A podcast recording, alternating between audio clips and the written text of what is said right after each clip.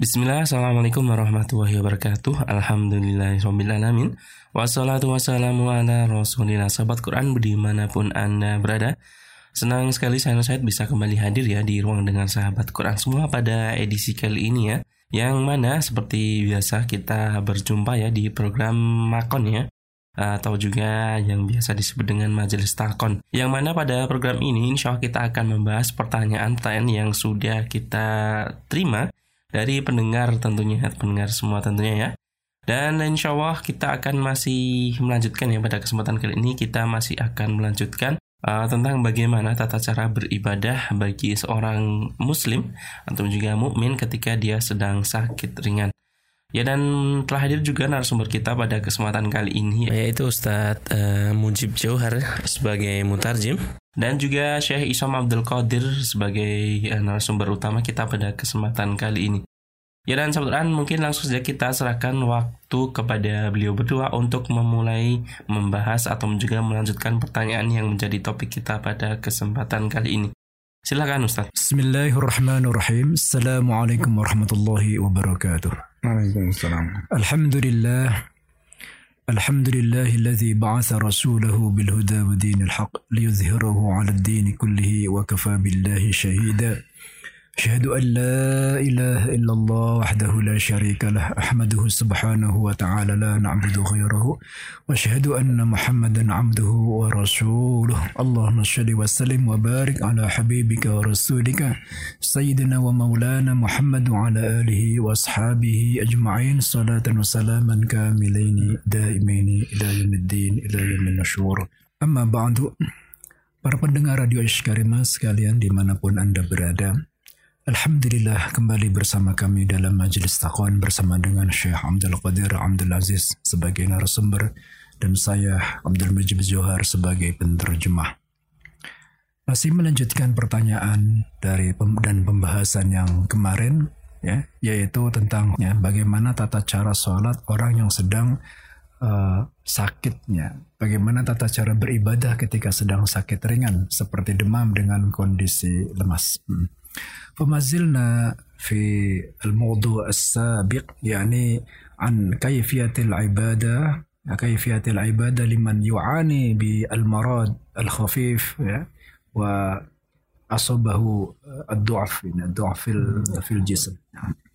جزاكم الله خيرا على الجواب. بالله الشيطان السلام عليكم ورحمة الله وبركاته. بسم الله الرحمن الرحيم. الحمد لله رب العالمين. والصلاة والسلام على أشرف الخلق وأطهرهم وأزكاهم محمد بن عبد الله صلى الله عليه وسلم. الرحمة المهداة والنعمة المسداة والسراج المنير البشير النذير. اللهم أحينا على سنته وأمتنا على ملته وارزقنا شفاعته وأرفقنا صحبته في الفردوس الأعلى. ومتعنا بلذة النظر إلى وجهك الكريم. اللهم آمين يا رب العالمين. اللهم سلمني وسلم مني اللهم سلمني وسلم مني اللهم سلمني وسلم مني أما بعد. وكنا قد بدأنا الحديث عن هذا الأمر وعن هذا السؤال وقلنا أن هذا يندرج تحت قاعدة فقهية وهي قاعدة المشقة تجلب التيسير أو ما تسمى في بعض الكتب أو القاعدة التي تدخل تحت هذه القاعدة وهي إذا ضاق الأمر اتسع إذا ضاق الأمر اتسع. ومضمون هذه القاعدة أننا إذا أصاب الإنسان أي شيء من الأشياء التي تؤدي إلى الضرر سواء في النفس أو في المال أو في أي شيء فإنه ينتقل من حالة العزيمة إلى حالة الرخصة. وبالتالي وضربنا أمثلة على ذلك وأخذنا الأدلة على ذلك من كتاب الله ومن سنة رسول الله صلى الله عليه وسلم. وقد ذكرنا من الأدلة التي جاءت في القرآن الكريم قول الله سبحانه وتعالى يريد الله بكم اليسر ولا يريد بكم العسر. وكذلك في قوله تعالى ما يريد الله ليجعل عليكم من حرج ولكن يريد ليطهركم. وكذلك قوله تعالى وما جعل عليكم في الدين من حرج ملة أبيكم إبراهيم وسماكم المسلمين من قبل.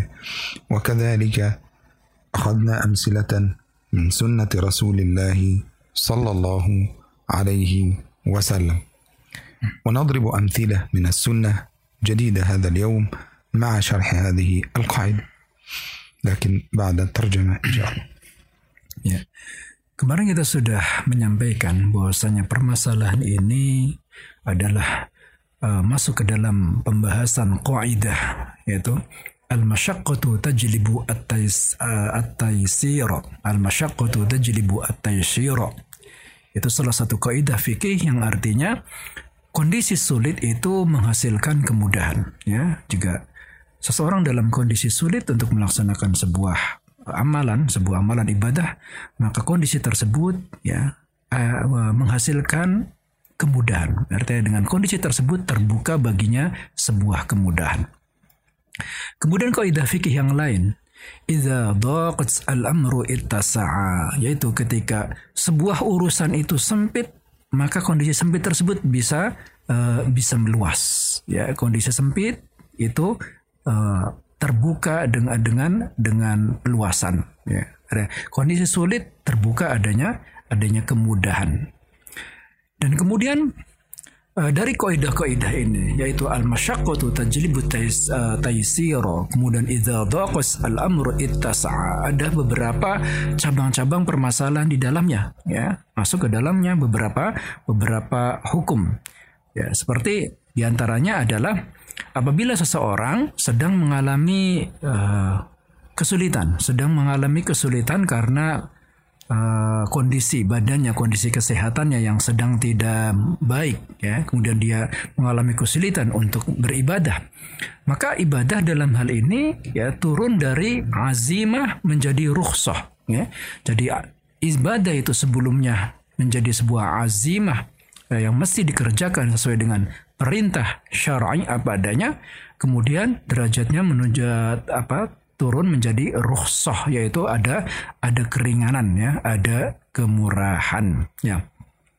Hal ini sebagaimana Allah Subhanahu wa taala berfirman, "Yuridullahu bikumul yusra wa la yuridu bikumul usra."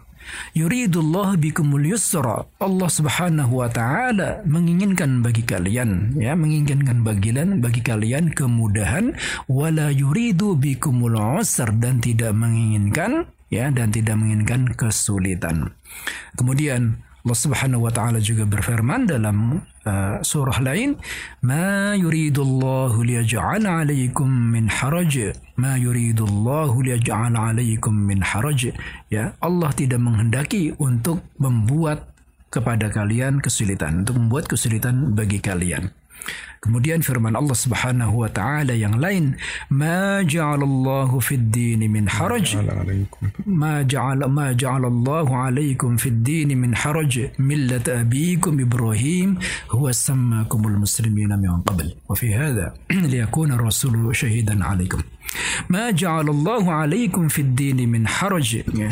Dan Allah Subhanahu wa taala tidak menjadikan bagi kalian dalam agama ini sebuah kesulitan ya tidak menjadikan kesulitan apapun ya tidak memberikan beban yang sulit apapun kepada kalian أما من السنة فقد جاء أيضا في حديث رسول الله صلى الله عليه وسلم الذي رواه أبو هريرة رضي الله عنه قال قال رسول الله صلى الله عليه وسلم لولا أن أشق على أمتي لولا أن أشق على أمتي لأمرتهم بالسواك عند كل صلاة لولا أن أشق على أمتي لأمرتهم بالسواك عند كل صلاة. وفي رواية ولولا أن أشق عليهم لأمرتهم بالسواك عند كل صلاة وعند كل وضوء بسواك. هكذا. لكن حينما ننظر إلى هذا فإن رسول الله صلى الله عليه وسلم حينما رأى أن الأمر قد يكون فيه مشقة عليهم لأوجب عليهم السواك عند كل صلاة. وهذا من السنة. أن رسول الله صلى الله عليه وسلم يعرف أن التزام الناس بهذا الأمر سيكون فيه مشقة فابتعد عن هذه المشقة. والحقيقة أن هذا هذا التخفيف من رسول الله صلى الله عليه وسلم هو تخفيف غالبا لخوف أن ينتكس الإنسان عن العبادة.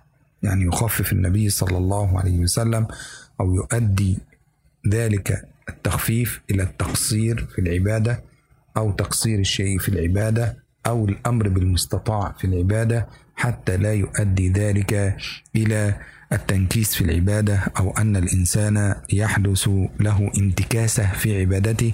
ومعنى انتكاسة في عبادته أنه آه، يبتعد عنها أو أنه لا يؤديها كما أوجبها عليه الله سبحانه وتعالى.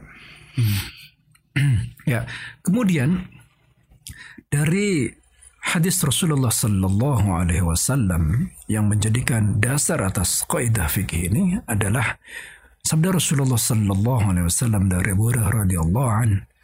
Maksudnya Rasulullah Sallallahu Alaihi Wasallam bersabda, "Laula an asyqa ala ummati la amartuhum bistiwaki 'inda kulli wudu'in." Laula an asyqa ala ummati kalau seandainya tidak uh, tidak memberatkan kalau seandainya aku tidak khawatir membuat kesulitan bagi umatku la amartuhum bisiwak niscaya akan aku perintahkan mereka untuk memakai siwak pada setiap wudhu. Kemudian dalam riwayat lain walaula an asyqa ala ummati la amartuhum bisiwak 'inda kulli wudu'in wa salatin Seandainya aku tidak khawatir untuk membuat kesulitan bagi umatku, niscaya aku perintahkan umatku untuk menggunakan siwak dalam setiap wudhu dan setiap solat. Oleh karena itu Rasulullah Shallallahu Alaihi Wasallam tidak uh, mewajibkan ini, tidak memerintahkan ini, yaitu tidak memerintahkan sesuatu yang uh, beliau khawatirkan untuk memberatkan ya. Seperti di antaranya itu penggunaan siwak ya. Kenapa beliau tidak memerintahkan? Karena beliau khawatir justru nanti umatnya tersebut akan malah tidak akan beribadah sebagaimana mestinya ya. Atau malah eh, mundur dari ibadah ya karena merasa berat ya. Oleh karena kekhawatiran yang demikian beliau tidak memerintahkan ini. Beliau tidak mewajibkan ini. Ya. وكذلك جاء في حديثه رسول الله صلى الله عليه وسلم أنه قال إنما بعثتم ميسرين ولم تبعثوا معسرين. إنما بعثت بعثتم ميسرين ولم تبعثوا معسرين. وكذلك جاء في حديثه أو في كلام عائشة رضي الله عنها أنها قالت ما خير رسول الله ما خير رسول الله صلى الله عليه وسلم بين أمرين إلا اختار أيسرهما ما لم يكن إثما. ما خير رسول الله صلى الله عليه وسلم بين أمرين إلا اختار أيسرهما ما لم يكن إثما. ولذلك في مسألة التخفيف وأن النبي صلى الله عليه وسلم يرى مسألة المشقة فإنما بعثتم ميسرين ولم تبعثوا معسرين. ذكرنا قبل ذلك أن جاء رجل إلى رسول الله صلى الله عليه وسلم فقال يا رسول الله إني أتخلف عن صلاة الفجر. إني أتخلف عن صلاة الفجر عمدا. لأن فلانا يصلي بنا ويطيل بنا في الصلاة. فغضب رسول الله صلى الله عليه وسلم. في رواية الحديث يقول فما رأينا رسول الله صلى الله عليه وسلم أشد غضبا من هذا اليوم. ثم صعد منبره وقال إن منكم منفرين. وكلمة منفرين عكس ميسرين يعني معنى معسرين على الناس حتى يجعلوا الناس يفروا من العبادة وقال إن منكم منفرين فمن أم بالناس فليخفف. فمن أم بالناس فليخفف فإن فيهم المريض فإن فيهم الكبير والضعيف الكبير والضعيف والمريض وذا الحاجة. كل واحد له حاجته. وفي حديث عثمان بن عفان حينما اشتكى له الناس أن عثمان بن عفان يطيل في صلاته فقال له رسول الله صلى الله عليه وسلم يا عثمان أليس معك؟ سبح اسم ربك الأعلى. أليس معك والشمس وضحاها؟ أليس معك والليل إذا يغشى؟ فبين له رسول الله صلى الله عليه وسلم أن يخفف بالناس. وكذلك لما جاءوا إليه برجل واشتكوا إلى رسول الله صلى الله عليه وسلم من رجل كان لا يصلي بهم إلا بسورة الإخلاص فقط. فكلما قام بهم الليل صلى بقل هو الله أحد في كل ركعة. وكلما صلى بهم في فرض صلى بهم بقل هو الله أحد في كل ركعة فغضبوا من ذلك واشتكوا إلى رسول الله صلى الله عليه وسلم. فلما سأله رسول الله صلى الله عليه وسلم عن ذلك فقال يا رسول الله إني أحبها إني أحببت هذه السورة وأحب أن أصلي بها. فقال رسول الله صلى الله عليه وسلم حبك لها أدخلك الجنة. Ya. Kemudian dari hadis Rasulullah sallallahu alaihi wasallam yang lain adalah sabda beliau, "Innama bu'itsu muyassirin wa lam ub'ats mu'assirin." Ya. Innama bu'itsu muyassirin sesungguhnya aku diutus semata-mata untuk memberikan kemudahan kepada orang-orang walam ub'ats mu'assirin dan aku tidak diutus untuk memberikan kesulitan kepada mereka.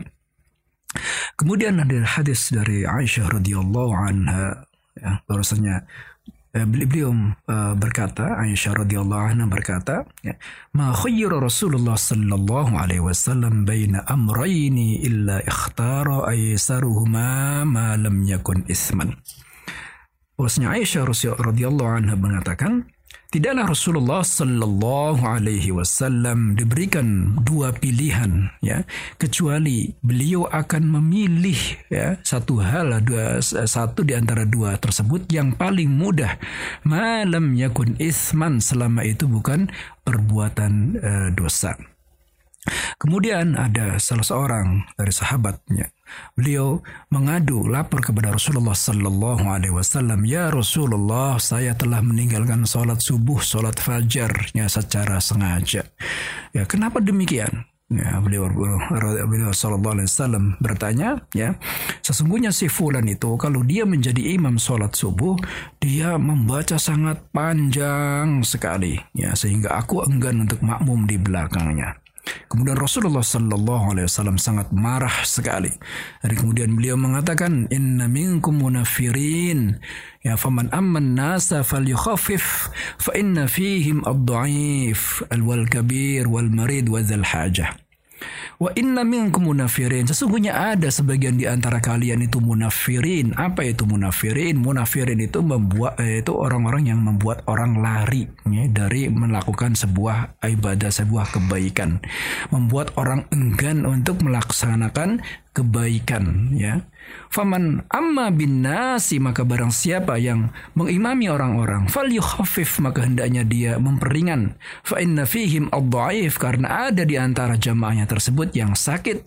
Wal kabir kemudian orang yang tua wal marid dan orang yang sakit wadzal hajah dan orang-orang yang mempunyai hajat ya. Demikian ketika juga demikian juga ketika Utsman radhiyallahu an ya, beliau menjadi imam ya beliau mengimami sangat panjang sekali. Kemudian Rasulullah Sallallahu Alaihi Wasallam mengatakan kepadanya, bertanya kepadanya, bukankah kamu punya sabhisma rabbikal a'la? Dan kemudian kamu bukan kamu punya surat-surat yang lain pendek, ya? Kenapa kamu tidak baca itu? Ya, maka kalau jadi imam uh, bacalah surat-surat yang pendek karena di antara mereka ada jamaah-jamaah yang lemah, jamaah-jamaah yang tidak mampu. Kemudian ada salah seorang yang ketika mengimami orang, ya ketika mengimami orang, mengimami jamaah, dia senantiasa membaca surat Al-Ikhlas, ya. Dia senantiasa membaca surat Al-Ikhlas. Ketika menjadi imam pada malam hari membaca surat Al-Ikhlas. Kemudian menjadi imam di pagi hari juga membaca, membaca surat Al-Ikhlas. Kemudian ketika dia sholat sendirian juga membaca Al-Ikhlas. Ya, membaca surah Al-Ikhlas. Maka para jamaah, para makmumnya ini menjadi marah. Ya Rasulullah si fulan ini kalau menjadi imam, dia membacanya surat Al-Ikhlas terus, tidak ada surat yang lain. Ya. Kemudian Uh, orang tersebut dipanggil Rasulullah Sallallahu Alaihi Wasallam. Kemudian uh, beliau bertanya kenapa kamu lakukan demikian? Ya saya mencintai surah ya ini ya Rasulullah. Kemudian Rasulullah Sallallahu Alaihi Wasallam mengatakan kepadanya Inna hubbaka li suratil ikhlas tudkhilaka tudkhiluka al jannah sesungguhnya kecintaanmu kepada surah al ikhlas itu memasukkanmu ke surga حقيقة أن النبي صلى الله عليه وسلم قال ذلك لأن هذه السورة هي كلمة الإخلاص وهي كلمة التوحيد وهي التي جمعت اسم الله سبحانه وتعالى. حتى ذكر الإمام الرازي في تفسيره أن اسم الله الأعظم في سورة الإخلاص. أن اسم الله الأعظم في سورة الإخلاص. ولذلك النبي صلى الله عليه وسلم قال للرجل حبك لها أدخلك الجنة. ثم بعد ذلك ننظر إلى أن النبي صلى الله عليه وسلم لم ينظر إلى حجم الصورة وإلى صغرها. ومن هنا أخذ الحنفية حقيقة أن التخفيف في الصلاة يعني لأن عندنا سبب التخفيف أو أسباب التخفيف سببين. السبب الأول هو الخوف من التقصير في أداء العبادة الخوف من التقصير في أداء العبادة والابتعاد عن هذه العبادة.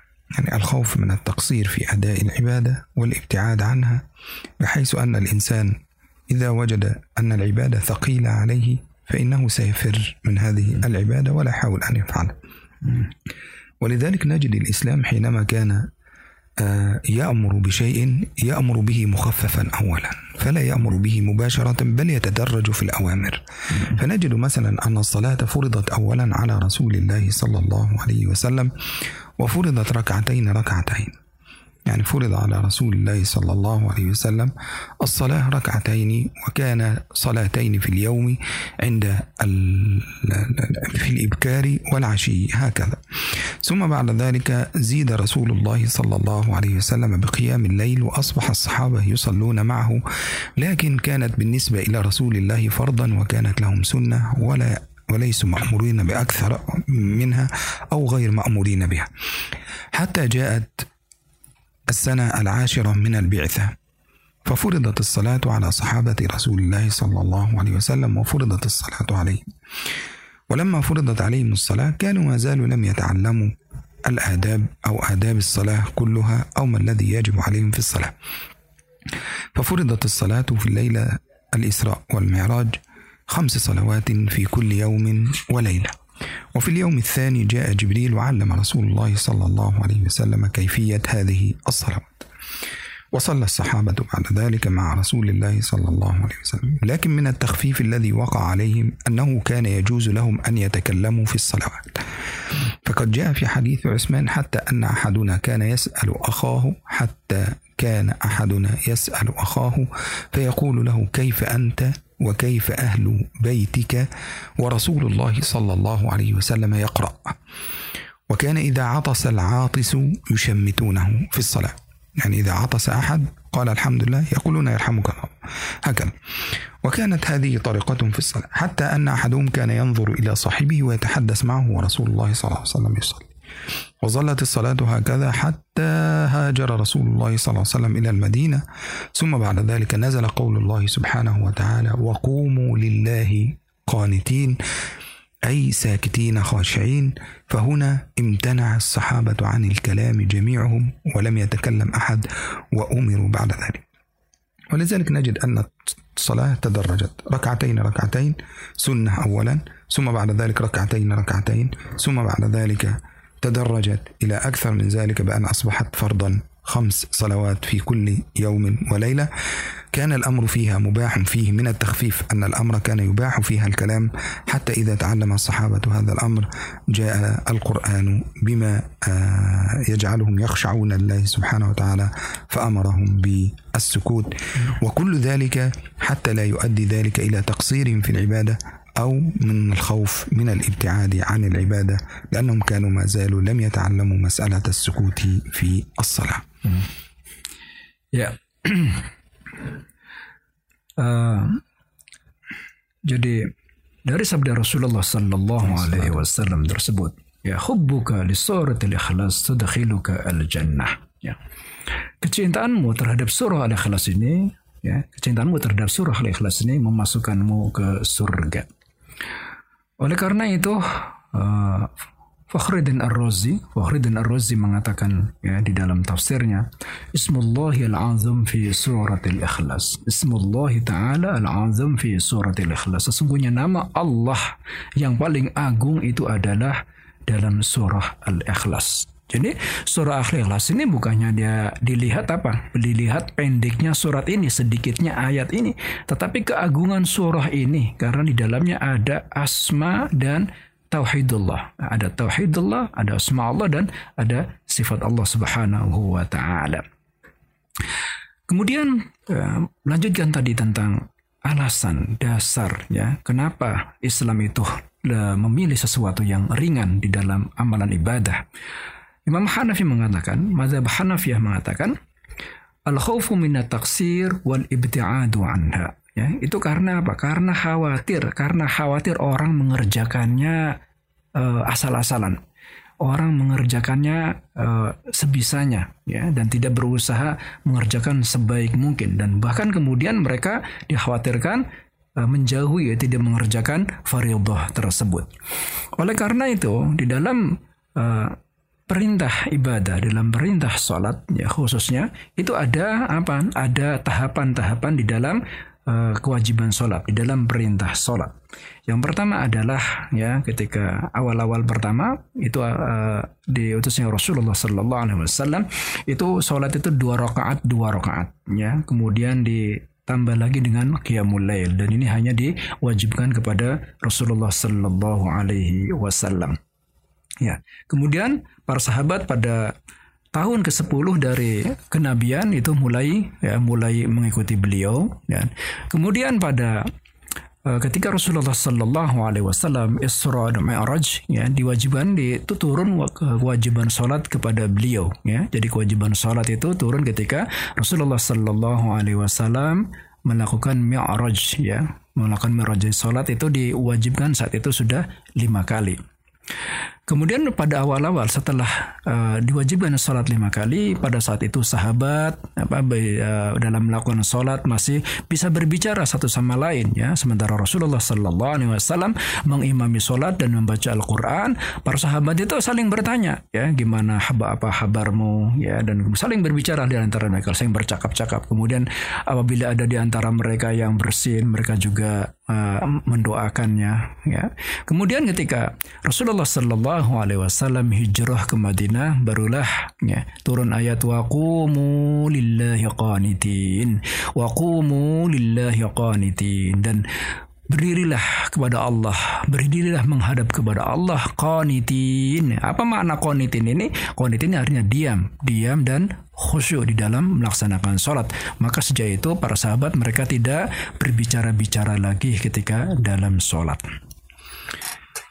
كذلك السبب الثاني من أسباب التخفيف وهو خوف من مزاحمة العبادات والتكاليف بعضها بعضا فيشق ذلك على الإنسان ويشق عليه آداء هذه العبادات.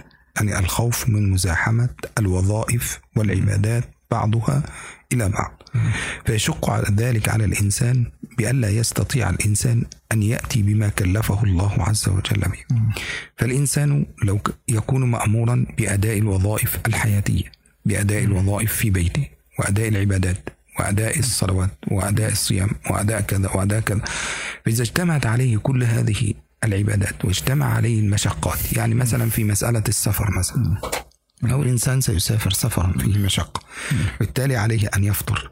لأنه إذا اجتمع عليه الصيام واجتمع عليه مشقة السفر واجتمعت عليه مشقة الصلاة أيضا في كل وقت في الخمسة أوقات فإن هذا سيكون تكليف بما لا يطاق وهو لا يستطيع. ولذلك مسألة تزاحم الوظائف والعبادات قد يكون فيها ما لا يطيق فجاء الشرع بما يخفف عن الإنسان جاء الشرع بما يخفف عن الإنسان هذه الوظائف ويجعلها في حيز الطاقة أو ما يطيقه الإنسان. كذلك المشاق إذا تزاحمت مع المرض فإننا في هذه الحالة نعرف أن الإنسان المريض لا يستطيع أن يصوم لا يستطيع أن يصلي لا يستطيع كذا لا يستطيع كذا. فبالتالي لو زحمناه بكل هذه العبادات فإنه يمكن أن ينفر من هذا الدين وأن يترك هذا الدين لأن هذا تكليفا بما لا يطاق. والله سبحانه وتعالى هو الذي قال لا يكلف الله نفسا إلا وسعها. ولذلك أيضا جاء في حديث النبي صلى الله عليه وسلم ما أمرتكم به فأتوا منه ما استطعتم.